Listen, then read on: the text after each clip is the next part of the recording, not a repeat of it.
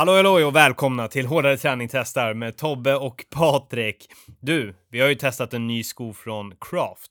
Ja, en riktigt intressant, snabb och het sko eh, som heter Craft CTM Ultra 3. Yes. Och det är en sko som verkligen är gjord för dig som vill springa fort under ultralopp, under Ja. längre sträckor, eh, som orkar hålla det här drivet uppe under en längre sträcka. Ehm, om man tänker första delen på gamla Kullamansbanan, eh, den från Båstad till eh, Mölle, där är den här skon som gjord för, Ja. nästintill. Ehm, Ja, vi ska väl vara lite ärliga att vi till en början så hade vi kanske lite svårt att greppa foten. Eller greppa foten, greppa skon. Ja, Eh, ja li, lite, lite så. Men det var ju också kanske för att vi gick in att det... Vi gick in kanske mer att det var en klassisk mängdträningssko i, Ja. i tankesättet. Ult, när man, för det, det vanliga liksom när man tänker att någon kallar för, för sin sko för en ultrasko Mm. så tänker man ju myspys, Mhm. fet sula, Mm. Eh, ombonat, ska sitta som en smäck och bara Mm. smörja foten. Mm. Och det är ju inte CTM Ultra 3. Nej. Nej. Eh, till att börja med så är det ju en väldigt, en, det är ju en lättviktare. Det är en Ja. lättviktare, tunn, tunn mesh. Nästan lite, nästan lite liksom sladdrigt liksom. Mer som ett ytterhölje liksom för att hålla foten på plats. Eh, och vilket såklart bidrar till att det blir en, en, en lättare sko. Eh, men där och, och sen så själva uppbyggnaden är ju inte det här heller det här rejäla ombonade dämpade som man är som man är van i och kanske har en föreställning om vad en ultrasko ska vara. Ja, men precis. Eh, men det, den, den, ger, den ger ju väldigt fin liksom, respons och uh, stötdämpning i steget. Mm. Och det här är ju en sko som är lite faktiskt Craft. Många av deras skor tycker jag växer. Ja. Desto mer man springer med dem så växer de. Mm. Eh, och det är den här också. Att Mm. Den här snör jag på mig när jag känner att jag vill trycka på lite i långpassen Mm. ehm, och vill få till fart. Ja, men då, Mm. då kommer det in och då ger det den här härliga deras eh, foam. Ja, men det, ja, man får det där fina framåtdrivet i det här. Ja. Ja. de, som de använder, UD foam, Ja, använder precis. de ju.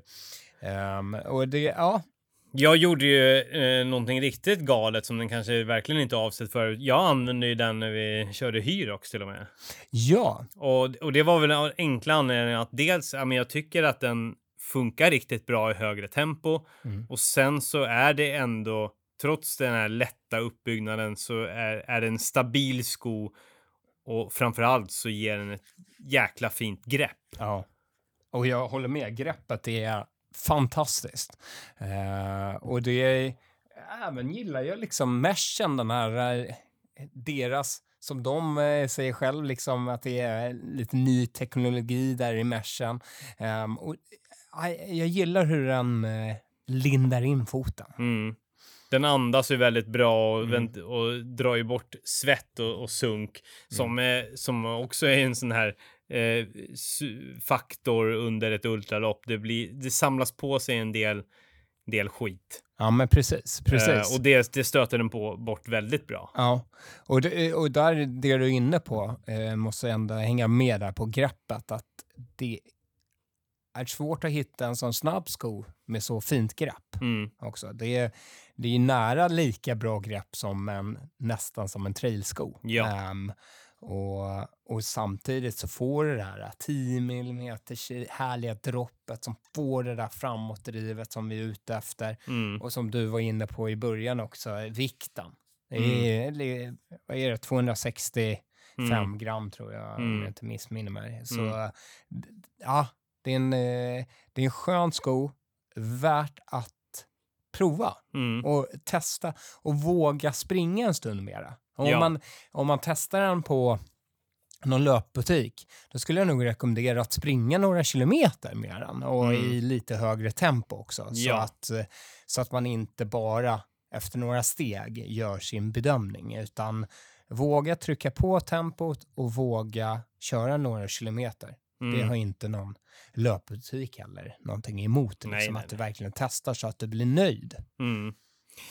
Nej, men och för att summera liksom. Eh, CTM Ultra T är ju liksom inte, inte för dig som vill ha en mysig ultrasko, utan det är för dig som ja, men vill avverka många, många kilometer, många mil, men också har i åtanke att du vill ha en bra tävlingssko för ultra, tycker jag.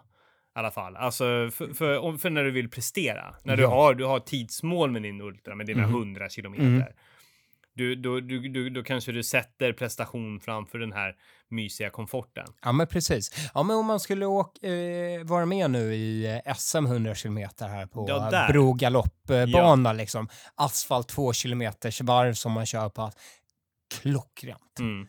Ja, den här, om man skulle ha på sig den här, då är man ju vinnarkandidat direkt. Ja. Jag måste också säga plus i kanten, designen. Jag gillar Oh ja. stilren. Den Oh kommer ja. ju i den här, i den här svarta, Mm. eh, snygga färgen med så röda detaljer. Mm. Uff, riktigt fin. Så har du, har du en sommarvariant också. Ja, men precis. Vit, för- för supervit. Uff, ja. Vit, ehm, craftmärket kommer i en liten annan vit nyans och sen har man lite orangea inslag som piggar till det så man får den här sommarvärmen Mm. och man bara längtar till sina härliga trailerrunder under sina sommaräventyr. Yes. Craft CTM Ultra 3, damer och herrar. Där har ni den. Mm. Och ni hör ju på oss att vi, vi är lite förälskade i den här skon. Absolut. Och ja, testa, våga, ehm, se vad Craft har att erbjuda. För eh, där händer det mycket. Och de satsar väldigt mycket på speciellt trail, men ändå här också den här fina ultravärlden. Mm. Och- Ja, men de, de går lite grann sin egna väg och det är kul. Ja, Det yes. är roligt. Superkul. Yes. Ehm, härligt. Mm. Bra. Tackar vi oss för den här gången. Tackar, tackar. Adjö! Adjö.